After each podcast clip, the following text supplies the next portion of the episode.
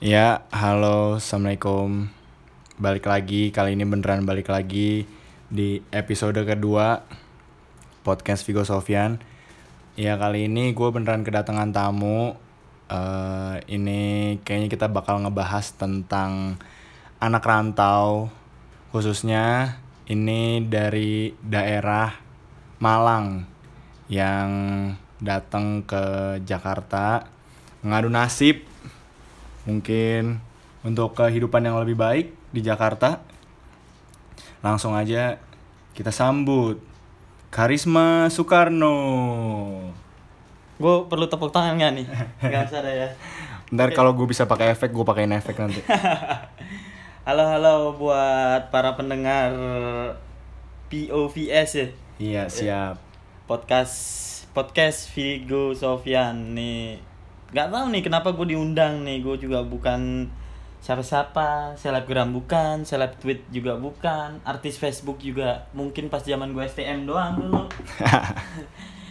Jadi ya mungkin karena kemarin Vigo sempat ngobrol juga masalah podcast dia dan gua ada sedikit ide buat bikin dia isi materi lah buat ya keluh kesah kehidupan anak rantau di Jakarta nih. Iya. Mungkin ya bisa dibilang gua adalah tamu yang tepat. Mungkin bakal ada anak rantau yang dengar juga kan kayak, wih bener nih pengalamannya gue ngalamin juga kayak, oh ternyata kayak gini nih solusi yang harus gue lakuin kalau gue kena masalah ini sebagai anak rantau gitu ya kan mas ya? Ya betul sekali tapi ya kalau dibilang pengalaman merantau sih kalau gue tinggal di Jakarta sih masih lima tahun lah empat ya empat tahun inilah masih empat tahun terakhir ini gue tinggal di Jakarta tapi emang gue dari lulus SMA sih udah mutusin buat ngerantau ya mungkin bagi kalian bisa lah gue share share dikit dikit aja pengalaman gue selama hidup di kota orang dan terkhusus Siap. sih di Jakarta Siap. karena gue paling lama tinggal di Jakarta sih Iya, BTW gue ngundang lu juga karena gue nggak punya kenalan artis mas. yang gampang-gampang aja ya kan, dari lingkungan terdekat dulu. Ya, Ya, kan? siapa tahu kan habis podcast ini atau podcast-podcast selanjutnya kan tamu-tamu lu bisa datang dari artis lah. Iya, siapa tahu ya kan artis yang ngerantau. Hmm, Ya, benar tuh. Tapi sebenarnya gue nggak spesifik pengen isi podcast gue anak rantau doang sih, cuma kebetulan ini tuh kayaknya enak buat dibahas ya nggak sih? Ya, mungkin enak sih karena banyak banyak banyak pengalaman cerita-cerita juga sih dari pengalaman ya bisa dibilang lengkap lah kayak gado-gado jadi campur aduk gitu jadi kayak pengalaman lucunya ada pengalaman sedihnya juga ada pengalaman yang banyak lah yang lu dapat ketika lo emang benar-benar mutusin buat ngerantau Siap, siap, siap. terlebih kita kan kalau orang dulu bilang kan lu bukan orang Indonesia kalau belum ke Jakarta Bener. Nah. Tapi sekarang kabarnya ibu kota pindah nih mas. Karena gue bilang begitu karena ibu kota mau pindah emang Iya. beritanya Takut nanti ibu kota pindah, gue juga nggak bisa bikin materi tentang anak rantau ya. Ya udah coba lu ceritain ya mas kurang lebihnya. Lu tuh siapa sih? Lu tuh Karisma Soekarno tuh siapa sih? Oke, jadi gue kenalin diri gue pertama ya. Nama gue Karisma Soekarno dan Soekarno tuh bener-bener nama gue. Lu berharap punya karismanya Soekarno ya? Nah, dari nama gue tuh arti namanya kalau gue tanya sama emak bapak gue ya jawabannya mereka pasti sama seperti itu. Dan banyak orang emang yang nggak percaya kalau nama gue beneran Soekarno. Emang kayak ngarang Karisma Soekarno, kayak ngomong gitu loh. Ya emang kemarin gue juga pengalaman-pengalaman orang minta kartu nama gue, nanya nama gue kayak nggak percaya gitu dan banyak kan emang tanya lu keturunan keberapa dari Soekarno. Siap, Kalau dibilang kan Soekarno hartanya nggak habis tujuh turunan ya. siap. Jadi gue keturunan ke-8 lah yang hartanya nggak kena ya, yang nggak nggak dapet kena. hartanya. Benar, benar, benar, benar. Dan gue di Jakarta sampai saat ini gue pertama datang tuh dari awal 2015 bulan Empat Maret. tahun bener. 4 tahun lah 4 tahun lebih. Nah sekarang gue gelutin dunia desain. Oh desain, lu bisa bisa desain desain gitu? Ya dikit-dikit. Gambar tangan apa pakai komputer? Gue lebih ke komputer. Siap, kayak Photoshop, Illustrator gitu-gitu ya? Ya lebih Photoshop, Illustrator, terus Oke. juga lagi menekunin dunia konveksi juga, bikin bikin Siap. baju.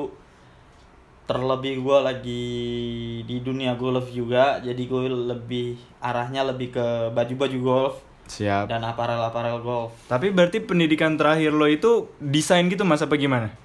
Iya, pendidikan terakhir gue di SMK, salah satu SMK di Malang.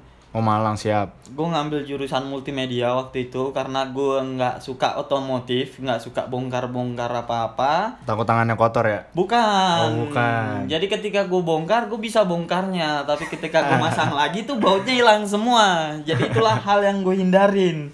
Jadi kalau kalau desain kan lu tinggal ando aja ya? Ya, tinggal Command Z lah. Iya siap. Control Wih pakai gitu. Apple, pakai Apple nih. Control Z aja. Nah, jadi itu. Lu nggak pengen nanya gue awalnya datang ke Jakarta gara-gara apa? Eh, udah tuh segitu doang tuh tentang Karisma Soekarno tuh. Lu punya Ya. lu berapa bersaudara lu? Gua sih tiga bersaudara, kebetulan gua anak pertama, jadi beban banget deh. Kayak jadi Hmm. anak pertama tuh kayak beban gitu. Buat gua, bukan buat keluarga, buat gua. Oke. Dan yang lain pasti ngalamin juga tuh. Kayak lu harus lebih baik dari bukan lebih baik sebenarnya. Memberikan lu harus ngasih contoh. contoh Iya, kepada adik-adik lu. Benar benar benar. Dan ya enjoy aja sih jadi anak pertama enak aja sih. Iya sih. Tapi orang tua lu masih pada ada nih.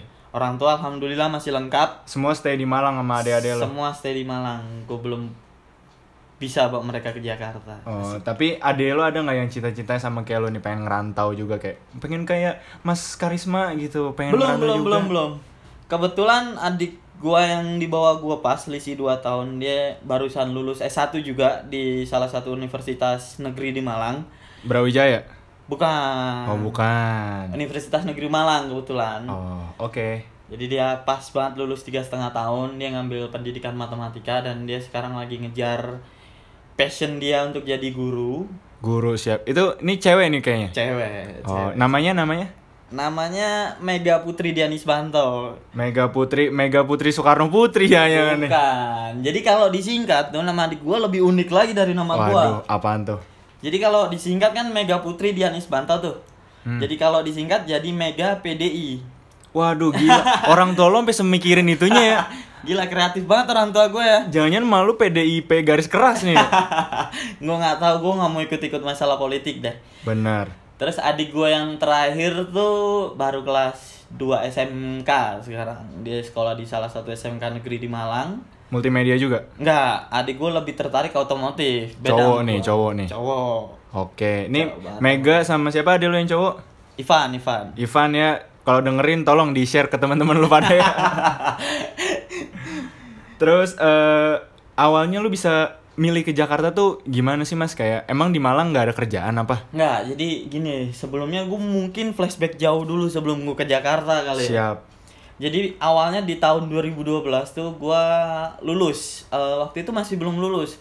Mungkin di pertengahan atau di akhir 2011. Waktu itu gue daftar iseng karena ada dari sekolahan tuh disuruh daftar ke perusahaan. Waktu itu ada perusahaan United Tractor Hmm. daftar dan di pendaftaran itu tuh dari sekian banyak murid sekolahan gua tuh cuma Hmm. dua orang doang yang keterima tiga Wah, orang bahkan keras. tiga orang doang yang keterima. Keras. salah satunya gua satu temen gua lagi dan satunya ya anak lain lah Itu tes buat jadi apa mas? waktu itu diinfokan emang tes buat kerja Jadi? jadi operator kalau nggak mekanik Tapi kan lu alat berat multimedia. Nah, di awalnya emang gue merasa kayak ya gue iseng aja. Waktu itu emang lu tahu kan Yang kalau penting ada jajan ya. enggak, lu Oh, tahu enggak. kan kalau tes sekolah tuh otomatis lu nggak akan ikut pelajaran sekolah kan. Bener. Nah, waktu itu kesempatan itu gue ambil karena gue males banget ke sekolah. Mm-mm. Nah, dari kesempatan yang sekedar iseng itu, karena waktu itu dibagi di tes waktu itu ingat gue di salah satu SMK negeri di Malang. Itu ada dua sesi. Waktu itu sesi pagi dan sesi siang. Di sesi gue ikut sesi pagi. Pas di sesi pagi itu gue ikut dan nggak tahu kalau keterima karena emang lulusnya apa kelulusannya tuh langsung diumumin waktu sore. Jadi lu intinya iseng doang ya biar nggak masuk sekolah gitu. Biar nggak masuk sekolah. Jam Hancur. 10 selesai tes, gue langsung cabut ngopi, iya kan? Siap. Ngopi, nggak taunya jam sekitar jam 2 jam 3 gue ditelepon sama guru gue yang datang juga ke sekolahan itu Ya. buat datang. buat datang lagi karena gue keterima Hmm. dan dia ngotot banget buat gue datang karena dari satu sekolahan itu yang keterima cuma tiga orang Ya. Sementara satu orang udah standby di sana buat nunggu pengumuman dia keterima dan dua orang nih satunya temen gua nih emang ikut gua ngopi. Jadi emang nggak tahu kalau keterima. Akhirnya gua dengan berbagai alasan hujan kek motor mogok kek gua akhirnya nggak datang pas Ya. waktu pengumuman itu. Besoknya gue dipanggil ke sekolahan. Dipanggil ke sekolahan lah dimarahin sama guru gua karena itu salah satu chance kesempatan emas buat gua buat karir gua nah Lo iseng tanpa berharap hasilnya apa? ya? tanpa berharap sama sekali jadi gue tanpa berharap Tesnya apa tuh kalau boleh tahu? ya tes tulis tes psikotes ya tes tes awal masuk kerja lah tes Berarti kerja gitu. sebenarnya harusnya lo SMK otomotif, Mas. tapi nyatanya gue multimedia juga masuk gitu Benar juga. nah akhirnya gue dapat kesempatan kedua waktu itu minggu depannya lagi gue disuruh datang ke sekolahan lain dengan perusahaan yang sama Hmm. Akhirnya waktu itu gue nggak disuruh tes tulis lagi tinggal tes wawancara Hmm. ketika gue datang tuh emang gue nggak niat buat masuk tuh perusahaan karena ya menurut gue itu bukan jurusan gue Ya. karena nanti kita ditawarin jadi operator alat berat yang bawa mobil alat berat dan gue jadi mekanik yang bukan sama sekali di bidang gue Iya. nggak ada interest interest sama sekali gue di mekanik nah waktu kesempatan kedua itu gue datang secara selengean Oke. Gue pakai celana jean rambut gue waktu itu panjang banget gue waktu itu ketemu sama namanya Ibu Sri Utami kalau nggak salah dia salah Siap. satu Halo orang, Ibu Sri Utami. orang yang mungkin sampai sekarang di United Tractor di United Tractor School di UT School dia tuh kalau boleh gue ngomong tuh dia emang salah satu orang yang berjasa bawa gue ke Jakarta Oke. Waktu itu gua wawancara dengan jawaban seenak gua, seenak jidat gua dan gua Asal aja tuh ya. nggak asal aja, gua nggak berharap gua bakalan diterima di United Tractor waktu itu. Akhirnya selesai, nggak ada tanda-tanda gue diterima. Itu masih kejadian di bulan November 2011. Oke. Akhirnya ya udah, ngalir aja hidup gua tetap sekolah. Waktu bulan Februari 2012, gue dapat info dari sekolah, gue harus tes kesehatan di Surabaya. Oke. Karena waktu itu dari sekitar 600 orang di Malang yang masuk ke United Tractor, United Tractor School tuh cuma dapat 50 orang dan itu harus Oke. tes kesehatan lagi. Berarti sebelumnya sebelum kerja di UT itu lo tuh eh, diajarin dulu ya, disekolahin dulu ya. Oh, waktu itu belum belum belum. Jadi masih belum masuk ke itu. Belum masuk itu. Jadi gua waktu itu masih tes kesehatan tuh gua masih sekolah, masih kelas 3. Hmm. Persiapan ujian nasional, gua harus ke Surabaya buat tes kesehatan. Hmm. tes kesehatan di UT itu sekitar 50 orang doang dari Malang dan gue juga nggak berharap bisa masuk ke United Tractor karena waktu Karena nggak sehat badan lo. karena gue ngerasa nggak sehat badan gue Oke oke oke. bahkan dokter pun bilang eh, waktu itu kayak ya kurang sehat ya badan gue Oke. nggak ada persiapan. Biasanya kalau lu persiapan tes kesehatan kan minum susu bir brand Biar brand atau bener banget tuh legend. makan kecap biar apalah gitu kan. Kecap apaan? Baru denger gue. nggak tahu deh gue juga asal aja. Jangan insto pakai Sprite. nah waktu itu jadi gue juga nggak berharap juga. Setelah lulus waktu itu ijazah juga belum keluar.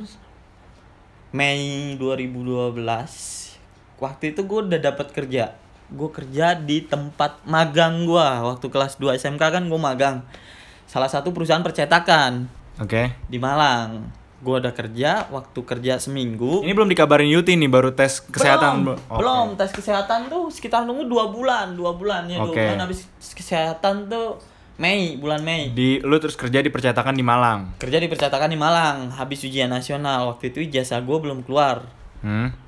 Bahkan surat kelulusan pun belum keluar waktu itu. Hmm. gue langsung kerja kerja dapat seminggu dapat tiga hari kerja gue ditelepon mak gue suruh langsung balik ke rumah.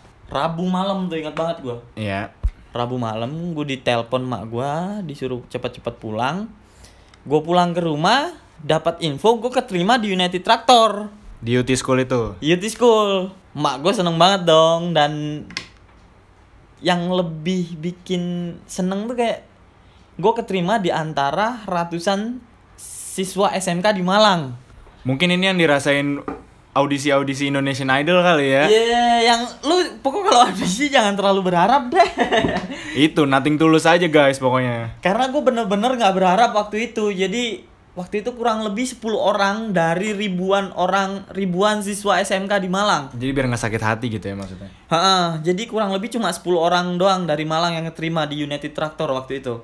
Oke. Dan dan yang lebih gila lagi, Rebu malam gue ditelepon, Kemis pagi gue udah harus disuruh nyampe ke Semarang Oke. buat ospek United Tractor hari pertama. UT schoolnya tuh di mana sih sebenarnya? UT School tuh kebetulan karena gue waktu itu ngambil operator, jadi gue di Semarang. Kalau pusatnya Oke, kan di. Jakarta, di Cakung. Nah, hari Kamis tuh gue su- Kamis pagi sudah udah harus ikut ospek pertama, hari pertama ospek. Bayangin lo, Rebu malam baru dikabarin. Kamis sudah harus datang ke Semarang. Pagi lagi. Pagi di Malang akhirnya dengan berbagai cara tuh nyokap gua usaha biar dapat dispensasi akhirnya gue dateng bisa dateng ke Semarang tuh hari Sabtu dan sebelum Lama. dateng ke Semarang tuh persyaratannya ketika lu pertama masuk United Tractor terlebih United Tractor School syarat mutlak yang harus lu lakukan adalah lu harus botak Gokil. Dan lu gondrong tadi ya? awalnya gue gondrong dan lu harus botak bener-bener botak oke gua hari kemisnya gue pamitan ke kantor gua Percetakan ini? percetakan itu sebenarnya masih digandolin juga sama bos gua tapi karena permintaan nyokap gua harus nurut nyokap gua akhirnya gue berangkat ke Semarang Oke. mungkin banyak cerita juga gue tinggal di Semarang kayak gimana mungkin kita skip aja Skip. Oke, kalau milih skip mah. Ya, jadi 2012 tuh awal permulaan gua merantau ketika gua lulus bahkan belum lulus ijazah gua belum keluar tuh gua ada di Semarang. Hmm. Di Semarang gua 6 bulan hidup di Semarang karena OJT-nya waktu itu di Kalimantan di salah satu perusahaan tambang. OJT apa tuh BTW? Tugas lo ya, tugas lo Kayak kayak KKN, KKN. penempatan. Kayak KKN, Oke. kayak KKN lah. Gue lupa singkatannya apa.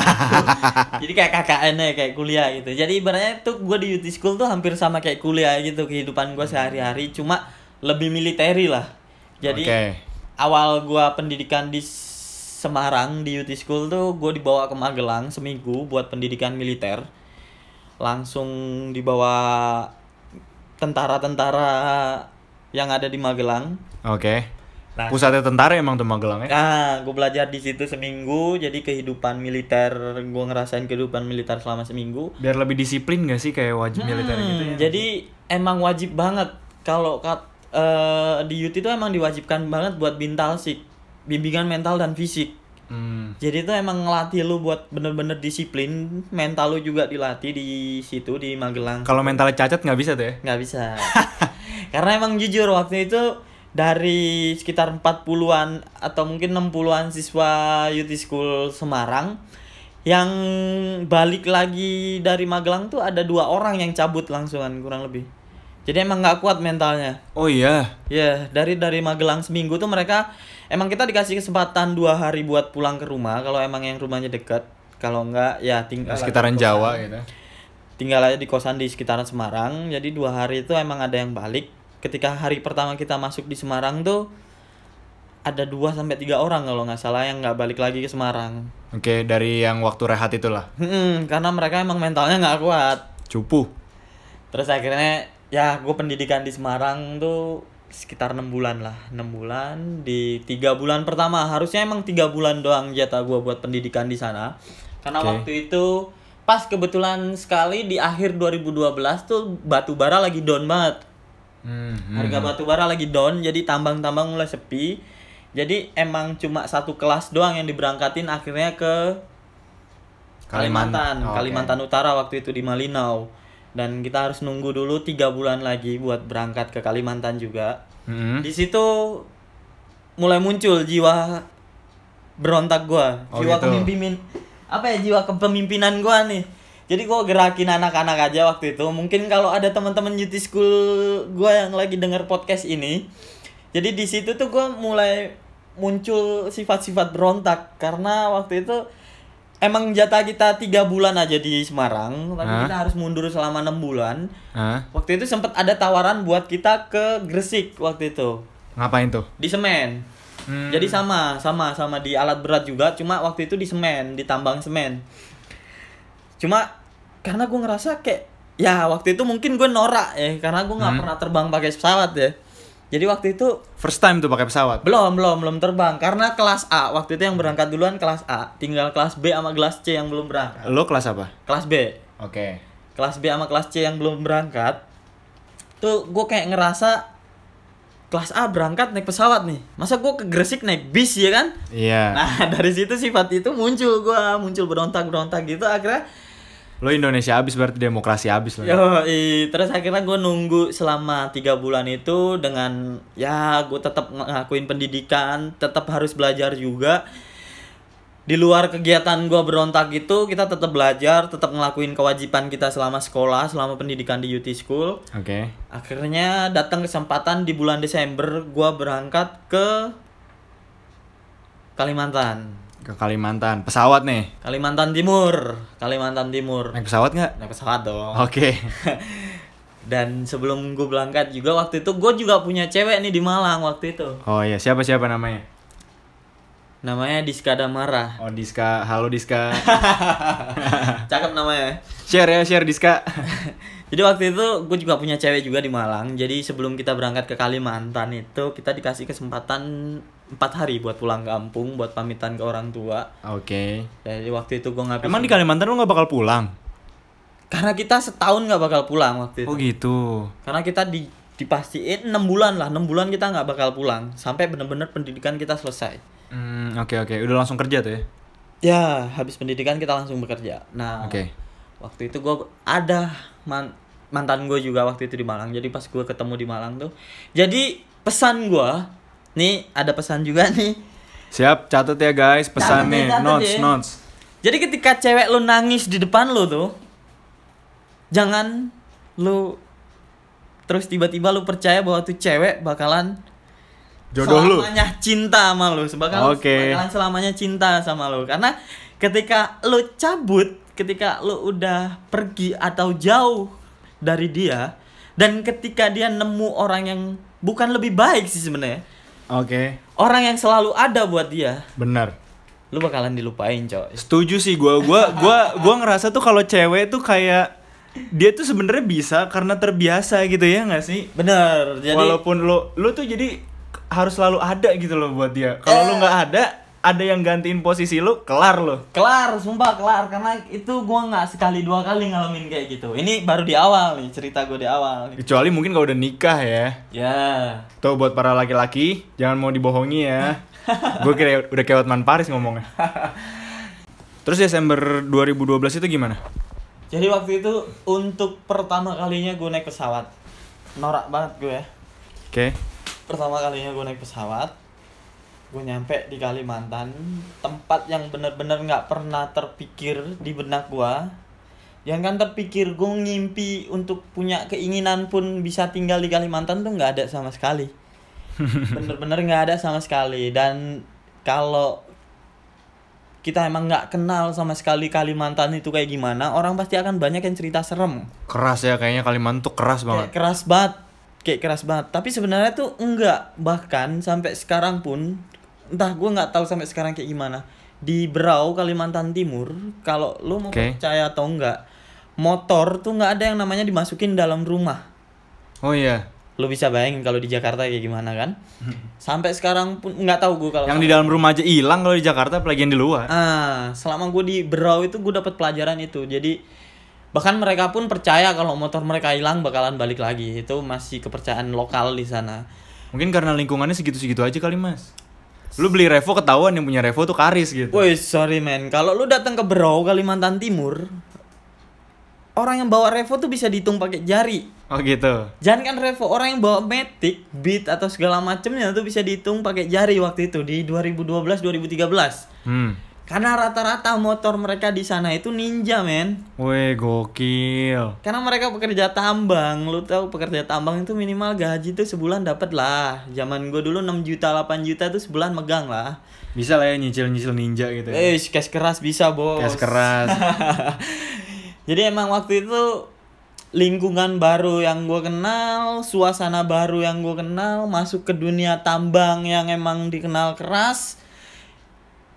Ya terbentuklah gua sampai sekarang ini. Waktu itu di Kalimantan. Kalau kita bisa bilang waktu itu di Berau tuh bisa kita sebut Indonesia kecil. Kenapa tuh? Dari Karena- semua suku ada ya?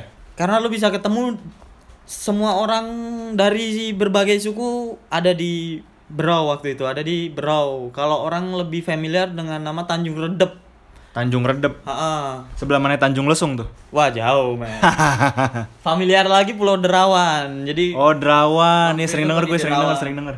Nah, di Pulau Derawan. Nah, dari sekian banyak orang dari berbagai suku itu lo akan kenal berbagai karakter. Jadi orang Batak nih kayak gimana, orang Toraja nih kayak gimana, orang Ambon, bahkan ada yang dari luar negeri juga waktu itu. Oh iya. Ada temen gua tambang tuh namanya si Tino. Orang United Tractor nih. Bukan, bukan. Oh, bukan. Jadi gua lepas dari United Tractor tuh gua OJT masuk ke perusahaan salah satu perusahaan tambang waktu itu Hmm, Di Brau. di bro gue nggak mau nyebut perusahaan tambang ya karena Oke. nanti di ada di sesi cerita ada beberapa cerita yang Oke, oke. jangan sampai tahu perusahaan tambangnya itu apa hanya hanya orang-orang sebagian aja yang tahu tuh nanti Oke, oke. nah waktu itu ada tuh temen gue namanya Tino dia dari Timur Leste men Terus? dari Timur Leste jadi dia dari Timur Leste dia kerja di situ juga dan dia sangat lucu jadi kebanyakan orang berpersepsi bahwa orang Timur tuh keras-keras Hmm. orang Ambon tuh keras-keras Hmm. orang Batak ngomongnya nggak bisa pelan gampang Tapi aslinya emosian. baik gitu mereka ya. orang Toraja gampang emosian juga tapi kalau lu deket dengan mereka dan lu kenal mereka dari deket ya itulah manusia gitu loh mereka punya watak sendiri-sendiri kalau Ya. tujuan selama kita tujuan kita baik mereka pasti akan baik juga ke kita gitu Iya, iya. jadi itu mungkin yang salah satu persepsi orang Indonesia kenapa orang Jawa nggak boleh nikah sama orang Sunda Oh iya iya suka denger tuh gue. Ah, jadi banyak persepsi-persepsi yang salah sebenarnya. Jadi Hmm. kalau kita ngalamin sendiri waktu itu teman gue juga banyak banget dari Toraja, banyak banget dari Bugis, banyak banget dari Batak. Ada yang bilang orang Bugis nggak cocok sama orang Batak, orang Toraja nggak cocok sama orang Bugis. Tapi itu kan pemikiran orang zaman dulu nggak sih? Tapi kan saat ini kan masih ada iya yang kayak sih gitu orang yang masih kita juga nikah masih minta restu dari orang tua ya dan Ah. dan orang tua masih percaya main kayak masih gitu gitu. banyak banget kalau dibilang percaya tuh masih banyak banget yang percaya kayak gitu gitu. Iya iya. iya. Nah, selama gua hidup sama mereka tuh ya kita ngeblend aja gitu. Bahkan minum pun kita minum sama teman gua orang Batak, marga apa, minum bareng orang Toraja, minum Iya, orang iya. Bugis, temen gua dari Aceh juga ada. Hmm. Sahabat gua dari Aceh, sahabat gua di United Tractor. Kita sama-sama berjuang dari Semarang sampai di di Kalimantan. Nah, ada cerita pahit juga di ada cerita pahit, ada cerita senang, ada cerita sedih juga selama gue di Kalimantan. Satu bulan gue datang di Kalimantan, ingat di cerita beberapa menit lalu tentang cewek gue yang di Malang. Oh iya. Si Nggak. Deska Deska. nggak ada cerita apa-apa, nggak ada permasalahan apa-apa, gue diputus men. oh iya. Eh, gue diputus. Waktu itu alasannya karena kita nggak bisa ketemu, jauh lah. LDR. segala macem LDR waktu itu gue masih main Facebook di Facebook juga gue lihat dia udah jalan sama cowok lain Waduh. sehari setelah gue putus jadi ingat kata-kata tadi men lu jangan terlalu percaya sama tangisan cewek deh Emang udah kepantek dia di sana. dia emang udah kepantek. jadi hal pertama yang itu di hal sedih yang kedua waktu itu kepala sekolah gue meninggal Innalillahi. kepala sekolah gua STM, kepala sekolah gua SMK nasional waktu itu meninggal dunia karena kenapa gue sedih? Karena kepala sekolah gue itu salah satu orang yang paling berjasa dalam hidup gua. Oke. Waktu, Kenapa tuh? Waktu gue lulus SMP, ya memang waktu itu waktu gue lulus SMP tuh nilai gue emang nggak terlalu tinggi banget. Hmm. dan gue emang berharap waktu itu masuk SMA karena gue nggak tahu sama sekali tentang teknik waktu itu teman-teman gue SMP itu banyak yang masuk ke salah satu sekolah SMK negeri di Malang emang SMK favorit di Malang Hmm. banyak banget dan waktu itu emang gue kepingin masuk situ juga Hmm. di saat pendaftaran gue ngomong sama mak gue karena emang gue jarang banget ngomong sama mak gue ya. Gue curhat-curhat sama mak gue gue cerita-cerita tentang pendaftaran sekolah SMK negeri itu. Terus dibebanin uang pangkal uang masuk yang cukup lumayan buat keluarga gue waktu itu. Hmm. waktu itu mak gue nangis. Hmm. karena di posisi itu mak gue lagi posisi nggak ada uang. Oke. nggak ada uang sementara gua ngotot karena gue pemikir anak muda gitu kan Hmm. masih bocah masih lulus SMP gue ngotot gue pengen satu sekolah sama teman-teman SMP gua Hmm. di situ mak gua nangis SMA tuh ya? SM, SMK SMK Oh, pengen SMK. pengen SMK pengen jadi satu sama teman-teman SMP Hmm. Oke, gua Oke, oke, oke. di situ mak gua nangis dia sholat sholat tahajud apa segala macem nangis nggak lama besoknya gue dipanggil sama kepala sekolah kepala sekolah gue tuh kebetulan tetangga gua Hmm. selisih tiga rumah doang dia dipanggil sama kepala sekolah dijelasin nama dia gue disuruh sekolah di SMK nasional itu Hmm. dan dibilang kalau selama gue berprestasi di sana gue nggak harus bayar sekolah sama sekali Oh iya. Dia kepala sekolah SMK tersebut. dia kepala sekolah SMK tersebut Hmm. dan gue bayar waktu itu emang bener-bener gue bayar kelas 1 kelas 2 SMK gue emang bener-bener serius sekolah bahkan gue sampai masuk jajaran ranking waktu itu Siap. di SMK. Nah, balik lagi ke Kalimantan waktu itu Hmm. kepala sekolah tersebut meninggal, beliau meninggal karena sakit. Terus dikabarin sama siapa tuh pertama kali? nama nyokap gua Oke. dan gua ngerasa sedih ya waktu itu. Hmm. Dan masih banyak lagi sih sebenarnya cerita sedih waktu gua di Kalimantan itu. Dan Karena lu nggak bisa ada ya. Karena lu nggak bisa ada. Satu lagi gua pernah ada pengalaman apa ya kalau dibilang ya sedih, terharu dan seneng. Waktu itu di mes gua di tetangga mes gua waktu itu gue sakit Hmm. sakit bisa dibilang tipes lah sakit tipes karena gue males banget orangnya ke dokter ya kan Hmm. jadi gue stay aja di mes waktu itu ada kayak ibu angkat gua ibu angkat ibu angkat ya anggap aja ibu angkat lah karena gue sering banget belanja di warung dia Ya. dan sering banget main ke warung dia juga Dan sering banget ngutang. Ya, sering buat ngutang. Nah, waktu itu gue sakit dan salah satu orang yang merhatiin gue, yang ngerawat gue, yang bikinin bubur buat gue adalah ibu warung itu. Oke. Dan gue Ibu lama. angkat bener ya? Ibu angkat bener-bener ibu angkat dan gue bener-bener lama banget nih nggak nelpon dia. Waktu terakhir gue nelpon dia, waktu gue nelpon anaknya waktu itu katanya si ibu lagi sakit dan dia lagi nggak ada di rumah waktu itu. Jadi Ini masih keep kontak sampai sekarang. udah lama banget udah dua tahun terakhir udah dua tahun yang lalu gua nelpon anaknya waktu itu Oke. dan gua nggak tahu sekarang gimana kabarnya ibu itu kalau emang ibu itu dengar sekarang bu saya bener-bener mau ngucapin terima kasih Ibu siapa tuh nama ibunya? gue juga lupa nama ibu Aduh. Kali aja ada anak cutie school yang denger kan disampein. bu gua terima kasih saya mengucapkan terima kasih banyak karena tanpa ibu mungkin saya juga terlantar juga di Kalimantan waktu itu saya sakit juga ibu yang ngerawat saya saya mau jalan-jalan cari cewek di Kalimantan juga ibu yang minjemin motor saya Siap. jadi pas waktu saya nggak ada uang ibu masakin masakan buat saya dan anak-anak mes jadi terima kasih banyak bu Sama-sama nak. Setahun berselang gue di Kalimantan kerja, gue akhirnya dapat kontrak di sana dua bulan dapat kontrak. Ini bener-bener Apa nih? ending nih, Ending. ending kehidupan gue di Kalimantan nih. Ending kehidupan gue di Kalimantan waktu itu bulan sekitar bulan Juni kalau nggak Agustus Juli Agustus lah bulan Juli Agustus Hmm. 2013 hampir setahun gua berada di Kalimantan itu benar-benar jadi bulan-bulan terakhir gua di sana Hmm. karena waktu itu emang sedang lagi ada masalah di perusahaan yang gue tempatin waktu itu Hmm. kita ngalamin namanya gaji telat Hmm. Makanan di mes atau makanan yang mereka kasih ke kita itu udah nggak layak Hmm.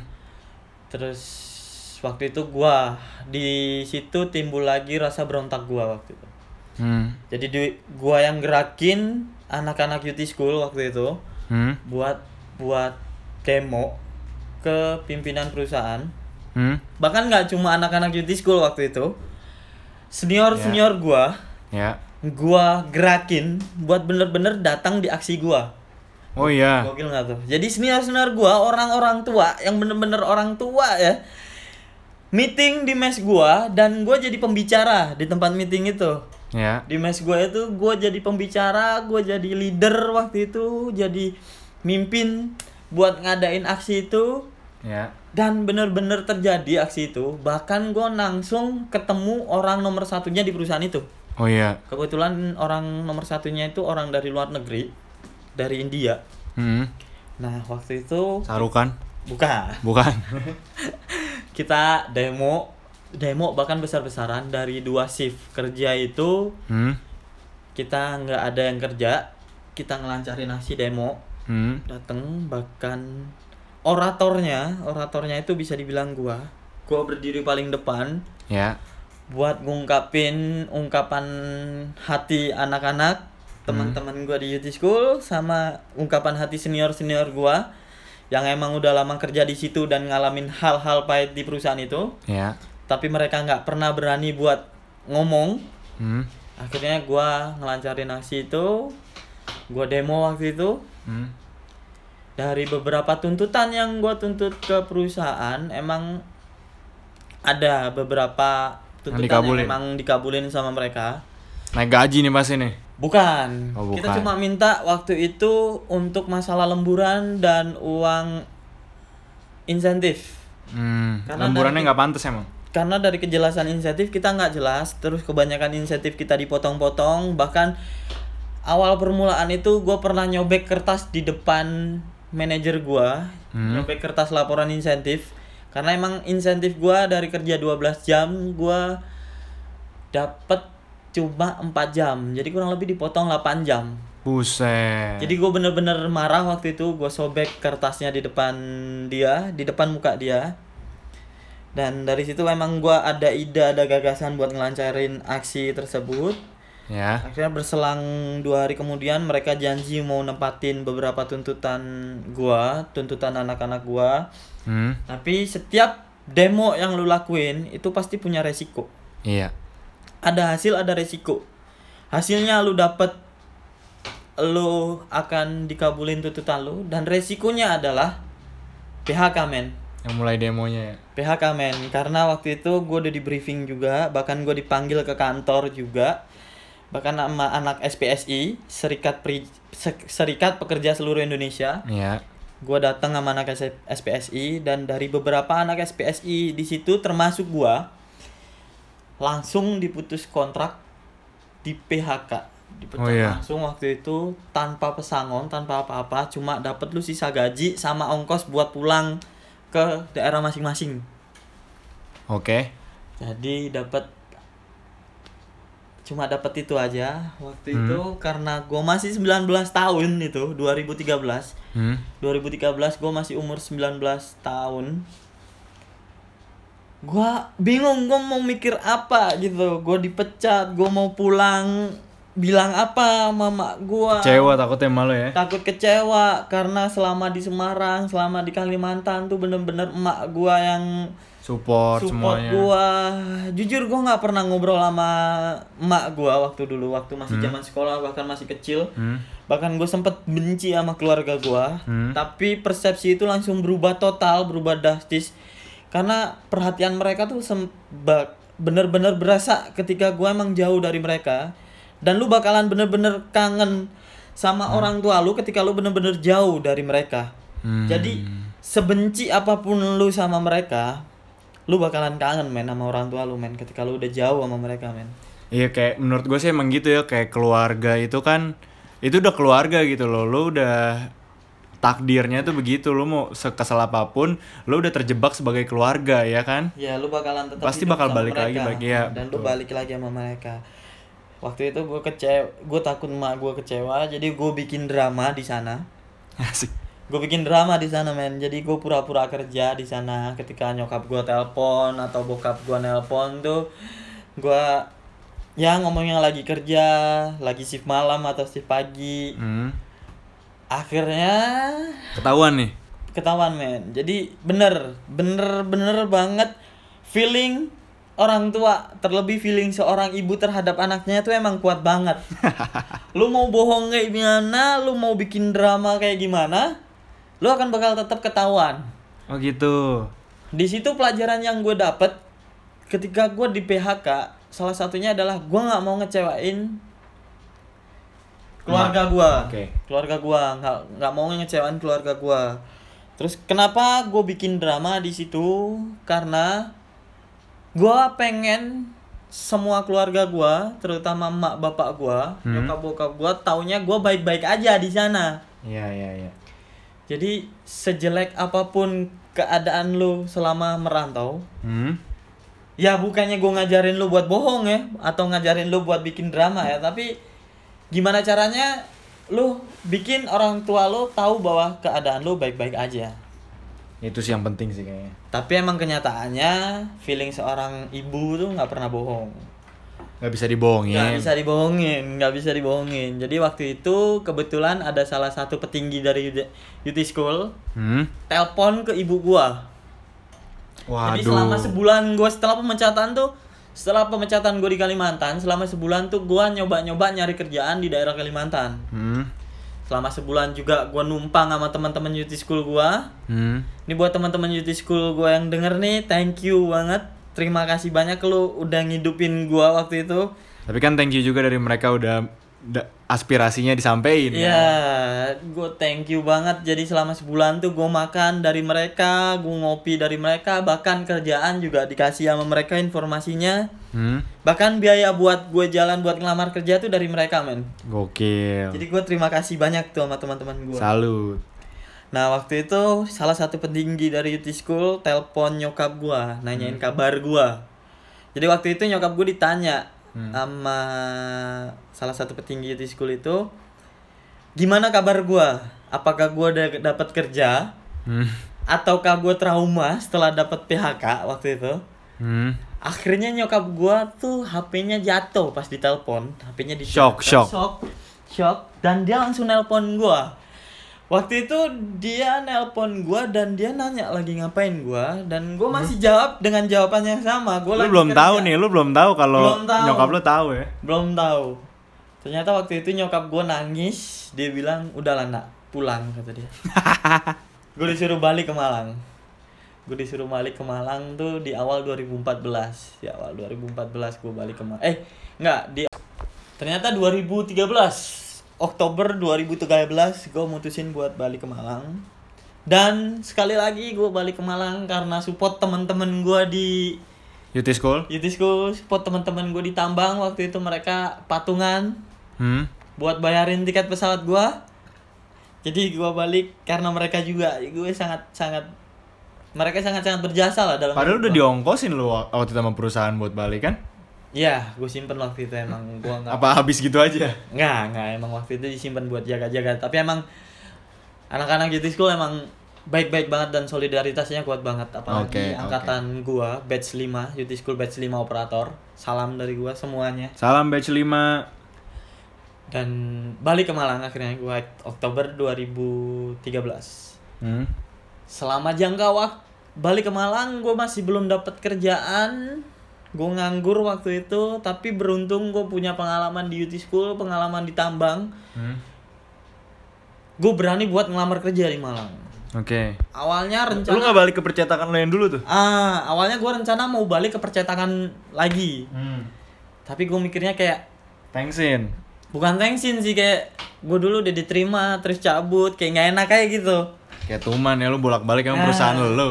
Iya makanya akhirnya gue dan akhirnya gue cari kerja di Malang selama Oktober sampai November selama dua bulan berturut-turut hampir tiap hari Senin sampai Jumat. Gue bondar mandir sama teman gue yang namanya Ganyong. Hmm. gue nyari kerjaan berdua ngelamar ke sana kemari tiap hari.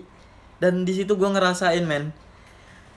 Susahnya nyari kerja. susahnya nyari kerja. Jadi satu pesan lagi buat lu semua. Jangan cabut dari kerjaan lu sebelum lu dapat kerjaan baru. Tuh guys. Karena chance lu karena kesempatan lu buat nyari kerja itu justru di dalam lingkungan kerja lu bukan Tapi- di dalam rumah Tapi itu kayaknya kepake sama mantan lo yang di Malang, Mas. Dia nggak dia belum mutusin lu sampai dia ternyata udah punya cadangan lagi oh ke iya bener sih bener sih nah apa jangan lu dapet teori itu dari mantan lu pas ketemu lagi di Malang. bisa jadi karena gue memang butuh bener lost kontak Oke, oke. Nah waktu itu balik lagi gue selama dua bulan muter nyari kerja bahkan gue nyampe Surabaya sidoarjo Pasuruan buat nyari kerja. Emang bener-bener niat cari kerja karena emang jadi pengangguran tuh nggak enak. Akhirnya ternyata gue malah keterima di Malang. Hmm. di perusahaan Malang lah di Malang selama setahun gue kerja. Jadi skip aja kehidupan gue di Malang karena itu kampung gue karena gue nggak ngerantau di Malang. Oke. akhirnya di Malang setelah setahun kerja di Malang gua waktu itu galau lagi men. Galau lagi. Kalau kenapa nih? galau lagi. Jadi setelah gua kerja tuh sekian bulan kebetulan gua mau naik jabatan waktu itu di pabrik salah satu pabrik di Malang. Gua mau naik jabatan awalnya dari cuma helper. Gua mau diangkat jadi operator Hmm. operator mesin. Dan itu emang butuh proses. Waktu itu emang gue udah mau diangkat. Di waktu yang sama masalah datang. Sebenarnya bukan masalah gede sih. Di waktu yang sama gue diputusin cewek gue Oh siap, udah ada cewek lagi ternyata. Terus setelah udah punya cewek lagi gimana tuh mas? Ya nggak usah diceritain lah di skip aja lah. Masalah cewek kan kita ngomongin rantauan nih. Bener sih, bener. Nah waktu itu gue diputusin men. Diputusin ketika gue mau dapet jabatan baru. Akhirnya galau, galau, galau. Anak muda galau. Gue masih 20 tahun tuh 2014 Gue diputusin galau. Waktu itu kerjaan gue nggak beres. Gue jarang masuk kerja. Karena buat apa? Waktu itu te- tetangga gue Deket banget rumahnya sama gue Hmm.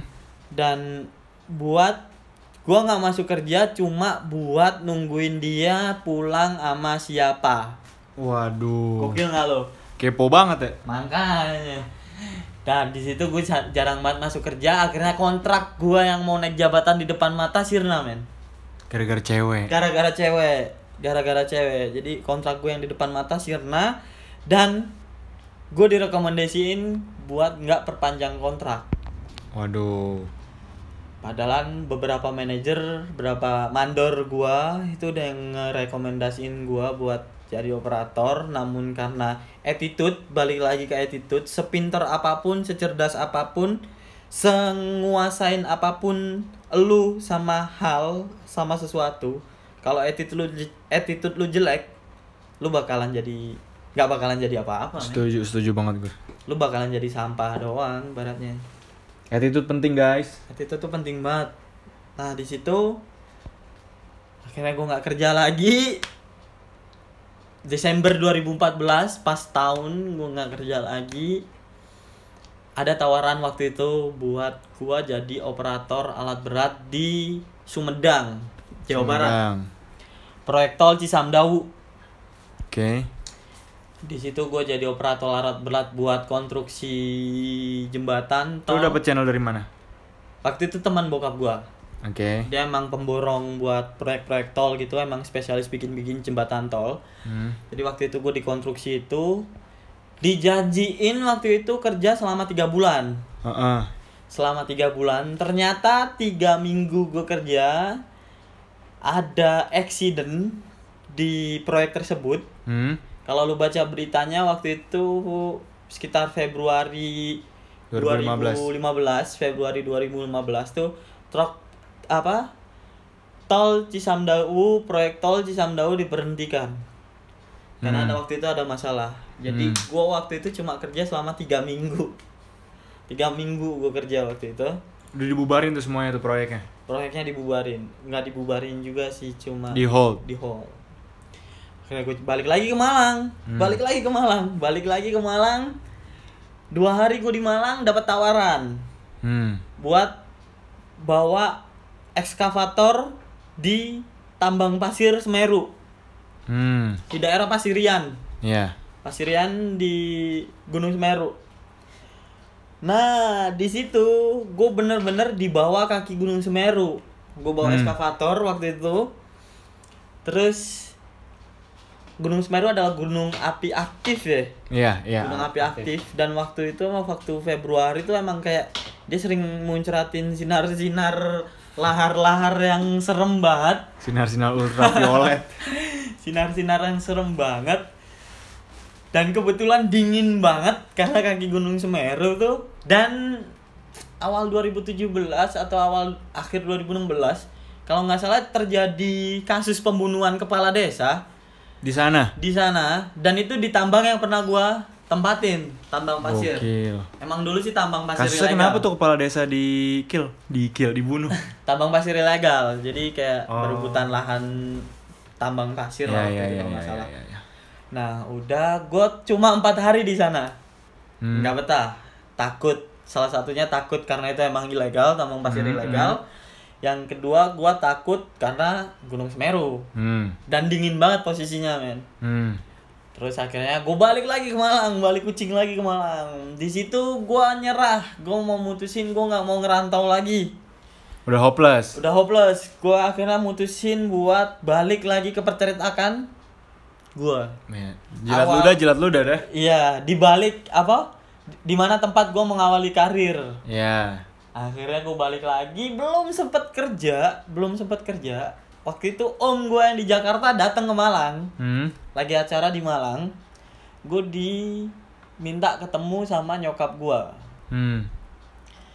Diminta ketemu sama nyokap gue. Akhirnya gue ketemu dan ditawarin kerjaan sama itu sama om gue waktu itu. Hmm. ditawarin kerjaan dan ditawarin buat balik ke rantauan. Hmm. Gua harus ke Jakarta. Oh Jakarta nih sekarang nih. Nah, kebetulan First Om time gak sih ke Jakarta? first time. Enggak, kalau dibilang first time sih enggak karena waktu itu First kan time kerja lah ini ya. first time kerja. First time bener-bener ngerantau di Jakarta. Hmm. Nah, om gua waktu itu juga gokil sama gokilnya kayak Yuti. Karena berhubung dia orang Yuti juga, dia orang United Tractor juga. Oke. Dia ketemu gua hari Rabu dan gue Jumat juga Jumat udah harus sampai di Jakarta waktu itu. Diongkosin. Diongkosin, diongkosin. Oke. Diongkosin. Terus akhirnya belum gue nginjakin kaki ke tempat percetakan buat kerja untuk yang kedua kali. Hmm. Gue udah pamit duluan ke dia. Udah pamit, Percetakan lagi. pamit duluan ke bos gua. Pamit duluan ke bos gua, gua nggak enak sama dia. Akhirnya gue berangkat ke Jakarta. Dan itulah first time gue ke Jakarta Buat rantau. buat merantau di Jakarta, buat Oke, kerja, emang oke. nyari kerja di Jakarta. Terus pas di Jakarta gimana tuh? Norak banget gue men. Norak banget. Gue udah pernah ke Jakarta waktu itu gue nonton bola karena Hmm. gue supporter bola di Malang. Jadi gue waktu itu pas Arema. Arema datang ke Jakarta, gue juga ikut datang ke Jakarta waktu itu. Cuma ya gue cuma di sekitaran Tanah Abang, Hmm. Blok M dan langsung ke Senayan. Hmm. Gak tahu daerah-daerah Sudirman atau daerah-daerah bisnis distrik di sini. Hmm. Jadi pertama kali datang ke Jakarta tuh jujur gue norak Lu naik bis, naik kereta? naik kereta, Naik kereta, oke. naik kereta. Norak banget, jujur gue norak banget. Nyampe di mana tuh di kereta? Eh nyampe di stasiun mana? Pas Stasiun Jakarta. Jatinegara. Jatinegara. Jatinegara. gua Tujuan lu ke mana? ke Cakung. Ke Cakung, oke. Dari stasiun Jatinegara gue dijemput sama orang yang sampai sekarang gue masih ketemu dan paling berjasa juga dalam hidup gue Mas Dwi. Mas Dwi siap. gue dijemput Mas Dwi, gue feeling oh mungkin gue dijemput pakai motor atau enggak pakai mobil. Hmm. Mas Dwi ini orangnya unik. Gue dijemput pakai apa? Busway, men. Pakai busway. Jadi gue dijemput diajak naik busway sama dia. Jadi bukan dijemput bener-bener dijemput pakai dia naik busway terus jemput gua enggak. Jadi emang gua wisata busway. diajak naik busway. Sebenarnya Transjakarta tahu namanya. Iya, Transjakarta. Busway itu nama jalannya. Karena gue kan pertama nyampe Jakarta kan taunya busway, men. Iya sih. Karena itu ada tulisan-tulisannya masuk jalur busway. Nah, itu tuh jalur busway. Busway aja itu artinya jalur bis. Hmm. Jadi masuk jalur bis, jalur bis. Hmm. Makanya salah sih sebenarnya nih pemerintah tuh harusnya masuk jalur Transjakarta, bukan busway. Ya udahlah, stop lah nyalain pemerintah karena banyak banget yang harus disalahin kalau pemerintah. Ya terus lanjut. Nah, gue dijemput di stasiun Jatinegara naik busway waktu itu, terus naik ojek Hmm. karena dan gue turun di halte wali kota Jakarta Timur. Udah ada Gojek belum tuh? Belum, waktu itu 2015 ada, tapi masih belum se-hype sekarang, jadi masih banyak belum yang punya lah istilahnya. Eh, masih banyak yang belum tahu. Datang gue dijemput dan pertama kali gue datang ke Jakarta, salah satu yang bikin gue shock adalah dari wali kota Jakarta Timur halte gue naik ojek ke tempat rumah om gue di kawasan Pulau Gebang Permai itu. Hmm? Itu tarifnya 25.000 ribu Gila. Gokil, dua puluh lima ribu. Gue gue gue mikir kalau di Malang gue dua puluh lima ribu gue bisa makan ayam dua kali kali, makan sama ayam dua kali itu. Jadi gue pertama udah kaget dan Ojek aja segitu ya gimana Ojek makan? Lu mikir gitu gak sih? ya ojek awalnya gue mikir wah gila sih ojek cu segitu doang jaraknya paling nggak nyampe Paling 5 kilo. 5 kilo cuma 5 kilometer doang jaraknya tuh harga udah 25.000 ribu wah di awal itu udah gua udah pesimis bahkan Hmm.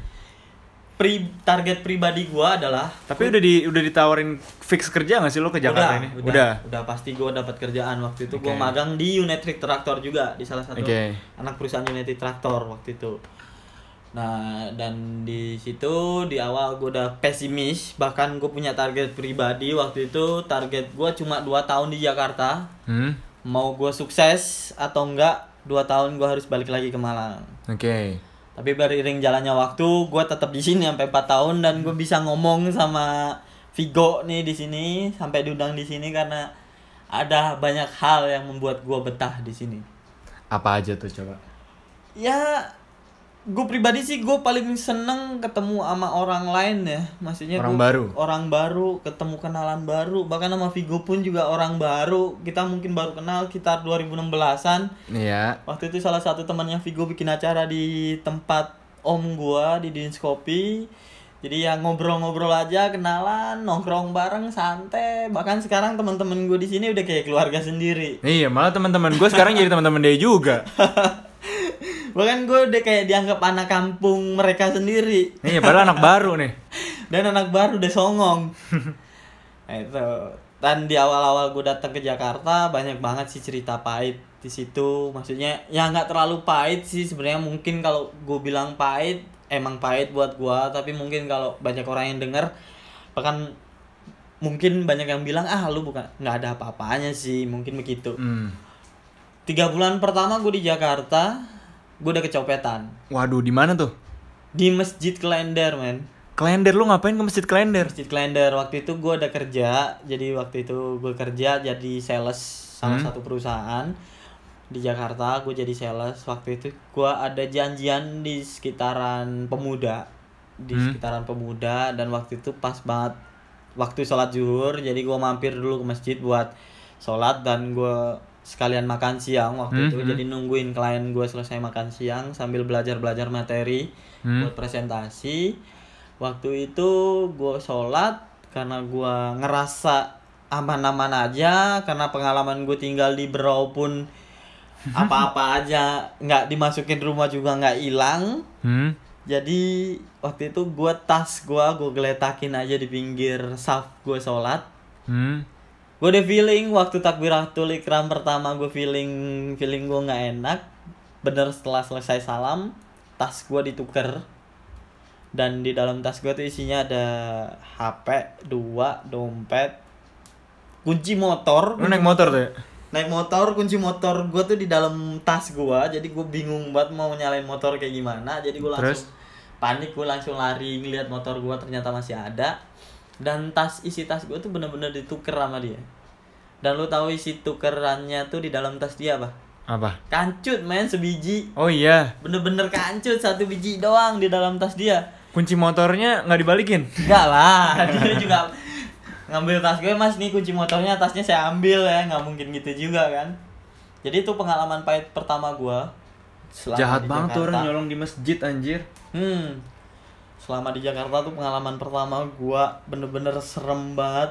Kayak gue shock berat waktu itu. Hmm, gue juga nggak tahu mau nelpon siapa. Kebetulan gue cuma apal nomor nomor om gua waktu itu jadi gua telepon Hmm. om gua dan akhirnya gua dijemput lagi sama Mas Dwi dia datang bawa mobil Mas Dwi transporter kayaknya. dia datang bawa mobil buat mastiin gua aman dan gak kenapa-napa itu salah satu pengalaman pahit gua emang waktu pertama gua datang ke Jakarta sih banyak banget masalah yang nimpa gua sih salah satunya juga mantan gua di Malang nikah. Mantan lagi. mantan Malang mantan gua di Malang nikah dan dia ngundangnya pakai pet. Pakai pet. sekarang udah nggak ada. Kalau Tutup, pet juga, tutup. udah nggak ada juga. Bekas-bekasannya juga nggak ada. Jadi waktu itu gue diundang pakai pet. Dia nikah sama orang yang gue kenal juga. Hmm. jadi suaminya itu adalah salah satu Temen anak tongkrongan gue juga. Oke. gue kenal juga tahu juga. Satu kerjaan juga sama mantan gue jadi dia nikah dan di situ gue mulai down dan di situ bener-bener down dan gue mulai mikir bahwa kayaknya gue udah di Jakarta deh kayak gue nggak kuat gitu di Jakarta deh hidup di Jakarta deh berat banget kayak deh Hmm, hmm, karena selain faktor gue pernah kerampokan di situ Hmm. kayak keras banget gitu kayak Terus lu berniat balik lagi ke Malang gitu. ada niatan ada sempet niatan gue balik Kan mantan udah nikah. ya kan ada faktor lainnya Oh, mungkin gue balik ke Malang bukan cuma mantan. bahkan gue sempet ngalamin namanya tawuran di Jakarta. Oh iya, ikutan sama siapa lu? nggak ikutan men. Jadi di daerah bypass bypass pasar Renjo pasar Hmm, Renjo hmm, belok ke kiri tuh mau arah ke bypass. Waktu itu mau berangkat kerja Jam? siang. Siang siang sekitar jam 11 jam 12an Hmm. habis dari rumah mau berangkat kerja itu gue dihadang sama sekelompok masa yang bawa parang panjang-panjang banget. Gokil. dan parang itu gue nggak pernah Anak, lihat. anak SMA. anak SMA gue nggak pernah lihat parang segede itu. Meskipun di Kalimantan gue hidup.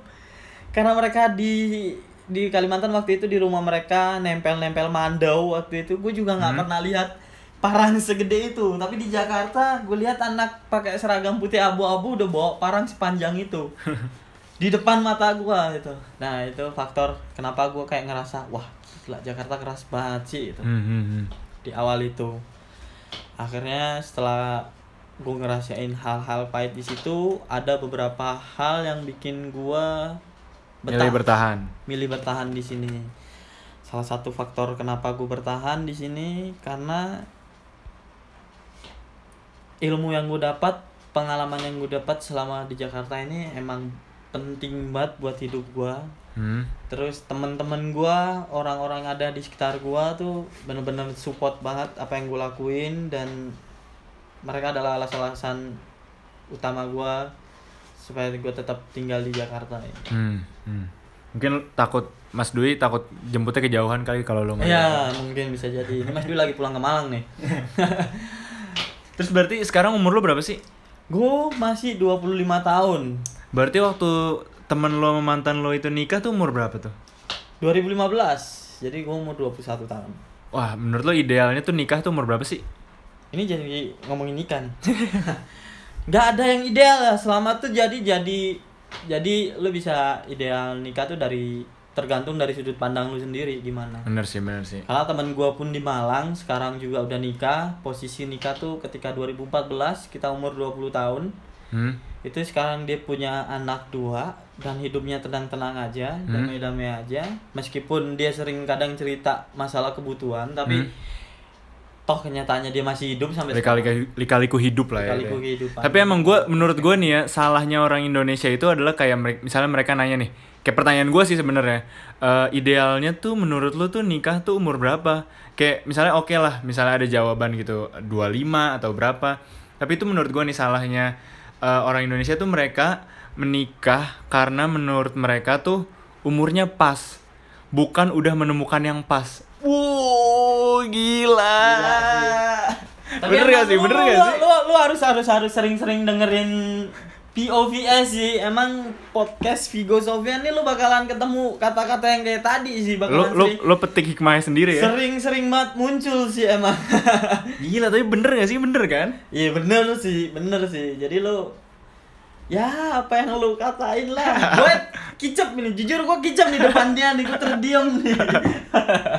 Lanjut lanjut ke masalah rantau nih. Tadi kan Oke. lu udah cerita buruknya. Coba sekarang senengnya tuh gimana? Senengnya tuh Dari yang udah lu sebutin tadi. Oke, gue Sekarang nih. sekarang kerjaan lu apa nih? Ya balik lagi kerjaan gua kan tadi gua sebagai lebih ke desain grafis dan ke Hmm, konveksi hmm, hmm, hmm, ngurusin baju-baju golf. Lebih Itu udah mulai mulai begitu tuh dari kapan? lebih gitu udah mulai 16 17 2017 2018. 18. Oh, 18. 2019 nih. Eh 2018 ya. Ini baru 18. 19 Iya, nih. Baru baru banget. gue deh nganggapnya 2020 nih. Nah, gue norak banget men pertama kali datang ke Jakarta. Hmm, hmm. Pertama gue diajak jalan-jalan waktu itu ke IKEA sama om gue. Hmm. Ke Alam Sutra. Hmm. Lewat tol dalam kota. Hmm. Lu tahu apa yang gue lakuin? Gue di kaca. pinggir kaca ngelongo aja ngeliat gedung-gedung gede. Klasik orang yang baru datang ke Jakarta ya. Bohong lu kalau nggak kayak gitu lu kalau datang ke Jakarta tuh. Pertama gue liat tol dalam kota tuh buset gulan. Wah, Ngeliat patung pancoran tuh ya. apaan ya kan? Patung pancoran, gede banget nih gedung, gedong banget nih tempat ya kan? Ada nggak cita-cita lu pengen kerja di tempat kayak gitu? Ada. Itu sih ada, ada, ada. Gue ada keinginan kayak di kantor di Sudirman atau di SCBD gitu kan. Iya, iya, iya. iya. Nah, tapi setelah kalau lu emang tahu dan lu emang ngalamin hidup di Jakarta, kayak keinginan lu tuh akan bikin bakalan kikis-kikis sendiri deh. Kesaring sendiri. bakalan kikis-kikis sendiri sih. Tapi ini bukan gua underestimate atau jatuhin keinginan lo ya. Ini Nah. cuma point of view dari gua aja, dari sudut pandang gua aja Hmm. gitu. Ya kalau keinginan sih keinginan sih pasti ingin lah tiap hari pulang bisa naik busway, naik kereta, atau MRT. naik motor, naik MRT sekarang. Eh, BTW lu udah naik MRT belum? Belum. Aduh, Gue nggak mau norak. gue nggak mau norak men. Gue nggak mau. Jujur gue orangnya nggak suka yang hype hype gitu Oh, maksudnya. yang lagi rame gitu Apa ya. yang lagi musim tuh kayak gue hindarin kayak ya udahlah biarin aja. Tunggu sepi kali lu. Gue biasanya sih dua tahun setelah hype gue baru mulai ngingetin lagi tuh. Baru tertarik. Biasanya begitu. Terus pas udah di IKEA gimana?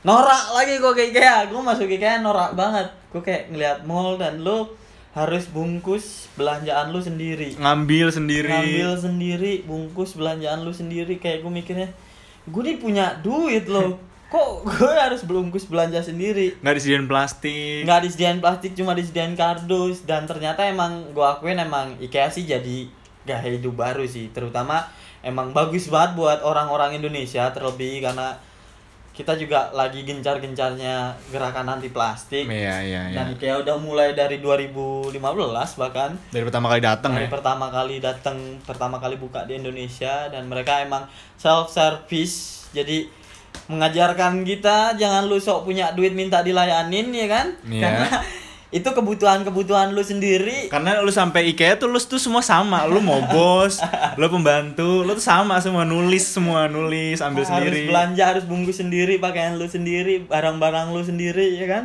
Mm-mm. nah itu jadi pertama kali gue datang ke Jakarta gue ngenukunin dunia sales balik lagi ke Mm, mm, kerjaan mm, mm. gue nekunin dunia sales waktu itu gue ada di sales oli buat jualan oli alat-alat berat Hmm. Kurang lebih selama setahun. Hmm. setahun waktu itu gue akhirnya dipanggil sama om gue buat bantuin om gue di kedai kopi itu. Om lu punya kedai kopi nih. kedai kopi. Namanya? Dins Kopi. Di daerah? Pulau Gebang Permai Cakung Jakarta Timur. Di rumahnya dong ya. selisih dikit nih sama rumahnya. Oh. di dalam komplek salah satunya kom salah satu kedai kopi di dalam komplek yang punya mesin lamar Zuko Oke, siap. punya mesin roasting nggak? Woi, kita ngerosting sendiri, men. Jadi kita punya mesin roasting, kita punya lamar Joko. Jadi lu nggak bakal bayangin deh ada tempat mewah di kawasan Jakarta Timur kalau lu belum datang ke tempat. Kalau yang di Oh, daerah gua. Jakarta Timur datang langsung ke Dins Kopi di Pulau Gebang. Udah ada di Google Maps ya? Ada ada ada di Google Map. Lu bakal ketemu gua juga. Jadi sebenarnya sih gua ngomongnya kayak gini, tapi nih ya diajak ngomong aja. Kalau enggak sih gue pendiam orangnya. Cari aja karisma gitu ya. Dikasih gratis. Gratis bangku. gratis bangku, gratis tempat duduk. Terus lanjut, Mas. Jadi gue 2015 hampir kurang lebih setahun gue kerja di perusahaan oli waktu itu. Hmm. Gue coba beli oli. Dipanggil om gue suruh bantuin dia buat buat bantuin dia di kedai kopi itu. Hmm. Akhirnya gue tetap ya meskipun gue nggak bantuin waktu gue kerja juga gue baliknya ke kedai kopi itu jadi hampir tiap hari gue di situ Lu tinggal di situ ya? mungkin biar lebih fokus aja jadi gue dipanggil sama om gue biar Hmm. bantuin dia buat Usahanya dia ya. usahanya dia Terus lu nekunin dunia golf nih sekarang. ya gue masuk ke lingkungan golf masuk ke lingkungan golf waktu itu Lingkungan orang-orang kaya tuh. Weh. Iya sih, kalau lo persepsinya pertama pasti di lingkungan orang-orang kaya, tapi emang kenyataan sih memang gitu gitu. Ya sama bedanya mau omongan lo. Jadi waktu itu gua masuk di event golf dan ternyata di event golf itu ada klub golf yang emang punya majalah waktu itu majalah online Hmm. dan gue diminta bantuan buat bantuin juga nulis jadi gue juga bisa nulis waktu itu emang gue gue bukan dari basic jurnalistik tapi dari pengalaman gue bisa belajar jadi dan gue orangnya seneng banget nyoba hal baru jadi ya gue coba aja waktu itu gue jadi salah satu penulis di Majalah golf tersebut. majalah golf tersebut Oke, terus lu bisa main golf? Enggak bisa lah men Terus lu ngurusin apa di golf? Enggak, waktu itu emang di di di klub golf, salah satu klub golf di Hah? Jakarta, salah satu klub golf ternama di Jakarta. Hah? Emang mereka sering bikin-bikin event. Waktu itu gue yang nyiap-nyiapin dapurannya, nyiap nyiapin Hmm. Lo IO golf lah ya? IO-nya. Terus gue nyiap-nyiapin material promosi mereka juga, Hmm, bikin hmm. spanduk, bikin banner. Hmm. Terus waktu itu gue juga diminta buat nulis berita, Hmm. nulis berita acara golf Hmm. dan sampai sekarang pun kadang masih waktu-waktu senggang ini kadang gue isi juga buat nulis-nulis berita golf juga Hmm. jadi ya jangan sampai ditinggalin lah apa yang udah lu dapet tuh harus tetap lu asah gitu jadi Apa yang menghasilkan lo ya lanjutin aja ya. jadi tetap gue asah aja tetap gue tetap tetap nulis golf dan di lingkungan golf itu juga gue belajar banyak banget Hmm. hmm. banyak banget pengalaman hidup di sana dari mulai pemain golfnya dari orang yang cuma main golf dari atlet yang main golf yang benar-benar atlet dari atlet junior atlet amatir atlet senior tuh banyak banget sharing pengalaman dari mereka yang emang gue tangkep dan bahkan gue tetap nggak ngesampingkan seorang caddy golf bahkan perawat lapangan golf pun sempat gue wawancarin juga sempat ngobrol juga sama Hmm, gue hmm. jadi emang banyak banget pengalaman yang gue dapat selama di lapangan golf itu Tapi seberapa mahal sih main golf tuh buat jadi kayak ada orang yang dengerin podcast ini kan kayak ancer-ancer gitu. Kalau dia ada duit nih, gue pengen nyoba golf nih, gue harus nyiapin berapa sih kalau main golf tuh? jadi sebenarnya Apa aja yang harus disiapin?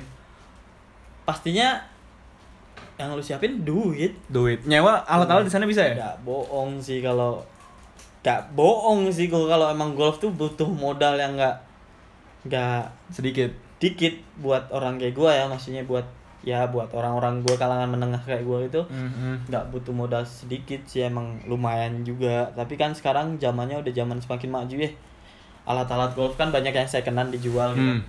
Tapi bisa sewa nggak sih di lapangan? disewa bisa ada Bisa beberapa ya? lapangan golf yang emang nyewain stick tapi emang Gengsi ya? kalau lu dateng nggak bawa stick sih kayak gimana gitu sih lapangan golf sih Atau ya udahlah yang murah lu download aplikasi golf aja lah ya. buat belajar dulu ya yang pentingnya Tapi kabar kabar keluarga lu sekarang tahu lo kerja di Jakarta tuh gimana? Dia nuntut lo buat balik apa lu berencana pengen nempatin mereka semua di Jakarta apa gimana? selama ini sih keluarga gua nggak ada tuntutan sama sekali ya. Jadi mereka tuh cepet tetap ya support aja dari dari jauh. Apa pun yang gue lakuin tuh mereka support banget sama gua sama kehidupan gua. Jadi nggak ada tuntutan dari mereka bahkan mereka senang-senang aja enjoy enjoy aja dan Mereka maunya stay di Malang ya? ya mereka maunya tetap di Malang karena adik gue juga mulai ngerintis karir juga di Malang Mhm. terus orang tua juga masih kerja di Malang jadi mereka tuh ya jadi ya balik lagi kayak yang gue bilang tadi jadi selama apa pun apa pun kejadian lu selama merantau ya sebisa mungkin taunya Happy aja. keluarga lu lu lagi happy aja di di tempat Oke. perantauan lu di mana pun itu Lu ada rencana pengen buka usaha nggak gitu pas lu udah punya modal gitu? pasti lah pasti Oh iya, apaan tuh? pasti jadi mungkin awalnya dulu masih zaman zaman sekolah atau mungkin awal awal gue kerja gue sempet kepikiran buat buka usaha clothing gitu ya Hmm?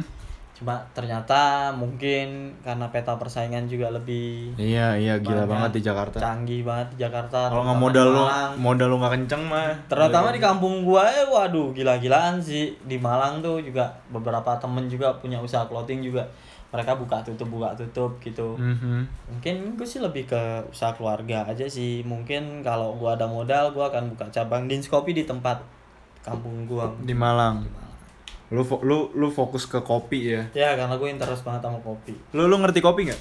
ngerti dong Ngerti kopi lo? Dengan dengan hype-nya nih kopi-kopi zaman sekarang nih yang di Jakarta lah istilahnya. Kayak menurut lu tuh hype-nya tuh gimana sih? Apa sementara apa orang tuh cuma ikut-ikutan doang? Kenapa tiba-tiba pada buka coffee shop semua? Gimana tuh?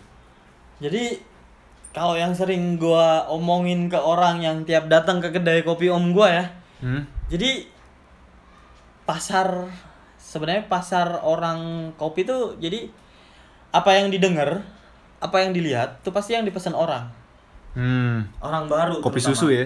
terutama orang baru jadi ketika orang baru datang ngopi gitu mereka akan pesen apa yang didengar apa yang sering mereka dengar Hmm. apa yang sering mereka lihat itu pasti akan mereka pesen pertama kalau nggak akan mereka tanyakan pertama kali Hmm. tapi ketika kita emang mau buat ngejelasin bahwa ada produk lain loh selain apa yang sering lu denger itu Hmm.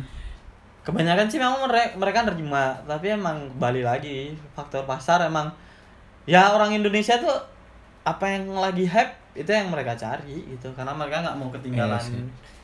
zaman nggak mau kudet nggak mau kurang update tuh orang Indonesia tuh kayak gitu tuh Iya, iya, bener banget, bener banget. Apalagi dengan selebgram, selebgram sekarang youtuber ya kan, anak kecil cita-cita jadi youtuber. apalagi podcast podcast gini kan teman gue Podcast, juga bikin aduh. podcast nih ya kan Ikut-ikutan ya. Jadi ya apa-apa yang hype tuh pasti ya orang pasti akan penasaran. Itulah rasa penasaran orang Indonesia itulah yang peluang bisnis tuh ada di situ. Jadi dan kunci ketika lo udah bikin bisnis atau bikin usaha mistik mis kayak usaha Apa pun itulah ya. apa pun itulah kayak usaha makanan atau restoran atau kafe atau apa intinya sih lu harus stabil. Hmm. lu harus stabil lu harus kuat di situ. Kuat di modal. kuat di modal. Terus? Ya, kalau ada yang bilang ya modal mah urusan belakang sih. Itu tergantung perspektif lu. Udah jadi Iya omongan gue tuh nggak Iya selalu bener di sini. Iya lu punya perspektif lain silakan. Boleh lu komen. Ada yang bisa dipetik, ada yang nggak usah dipetik kan di Ah, ah. omongan ini ya kan. ya kan namanya juga ngomong aja gitu nah udah gitu aja sih Terus pas apa namanya, nih kan ngomongin kisah cinta nih sekarang. waduh Lu kan udah ditinggal nikah nih. berat berat berat Terus sekarang lu punya pacar? punya gue sekarang lagi punya pacar Oke, siap siap siap. Ya udah. Eh, nggak usah diperpanjang nih ya Kayaknya kayak nggak usah deh. nggak usah. Takut-takutnya gue salah nanya, Iya, iya, lu salah iya. jawab. Buat panjang jadi kita berdua ya kan. Nah, Ada, ada. gua gua gua sekarang mau nanya terakhir deh nih ya kan. Harapan ke depannya buat buat lo. Lo tuh maunya gimana visi lo ke depan tuh gimana sama harapan buat Indonesia ke depan tuh kayak gimana sih setelah pemilihan presiden yang baru nih? Wah berat nih berat nih berat nih berat nih. Ya mungkin yang pertama yang gue jawab yang harapan buat gue sendiri ya. Visi misi ke depan lo gitu. Kalau visi misi sih eh, terlalu berat lah buat gue karena gue terlalu santai sih sampai Iya. selama ini sih. Jalanin aja ya. Jalanin aja let it flow aja ya. Jadi ya buat gue sendiri sih ya visi gue ke depan ya gue akan cari yang terbaik buat gue. Oke. Maksudnya gue akan cari yang terbaik tuh ya kekurangan-kekurangan gue selama ini akan gue ilangin dan Perbaiki. gue akan belajar dari kesalahan-kesalahan gue selama ini dari sifat-sifat dasar gue yang emang buruk kayak gue Hmm. tadi punya sifat berontak atau Mhm. ingin tampil tuh mulai gue kurang-kurangin dan ya gue berharap bisa lebih baik ya deh Bisa lebih dewasa ya. lebih dewasa lagi Buat Indonesia. Buat Indonesia men. Ini terlalu berat men. Sensi banget nih. Ntar gue bilang begini ada yang nggak suka nih. Tapi objektif ya lebih ke umum ya. Gue berharap sih kalau lu bilang tadi setelah presiden pemilihan presiden dan udah ada presiden yang terpilih sih gue cuma pengen bilang siapa pun presidennya tergantung sumber daya manusianya men. Benar. kalau lu gitu-gitu aja ya lu bakalan gitu-gitu aja Gak ngaruh ya. nggak ngaruh nggak ngaruh apa pun. Mau presidennya siapa pun ya. presiden Mau lo jadi presiden juga mau lu jadi presiden pun lu juga bakalan gitu-gitu aja sih gitu. Tapi gue berharapnya sih orang-orang Indonesia semakin maju semakin ngerti lah. Makin cerdas ya. semakin cerdas terutama sumber-sumber daya manusianya. Terlebih lagi kita hidup di zaman internet yang apa-apa gampang dicari via internet. Informasi cepet banget. Jadi ya gue minta sih kesadaran aja kesadaran sumber daya manusia di Indonesia Oke, terima kasih buat Mas Karisma Soekarno atas waktunya, atas pengalamannya. Wuh. Semoga ada yang bisa dipetik dari podcast ini ya guys. Lo, gua nggak bisa nyimpulin kalimat yang harus lo petik apa, lo dengerin aja pokoknya. asal ngomong aja pokoknya dah Ya, pokoknya thank you banget udah dengerin. Sampai ketemu di episode selanjutnya. Gua nggak tahu gua bakal ngomongin anak rantau lagi atau gimana. Pokoknya yang asik aja gua kita diundang obrolin. lagi nih Eh, kalau lu lebih bermanfaat dengan hidup lu, gua mungkin, gua mungkin akan undang lu lagi dengan kisah-kisah baru gitu. Ntar ntar gue ajarin bahasa balikan deh yang lagi hype banget di selatan nih. Bahasa balikan. Oh, kebalikan. Oke. Karena gue kan orang Malang tuh. Mungkin nanti kita bikin di episode selanjutnya ya Oke, kan. Bahasa-bahasa kebolak-balik. Oke, thank you guys sudah dengerin.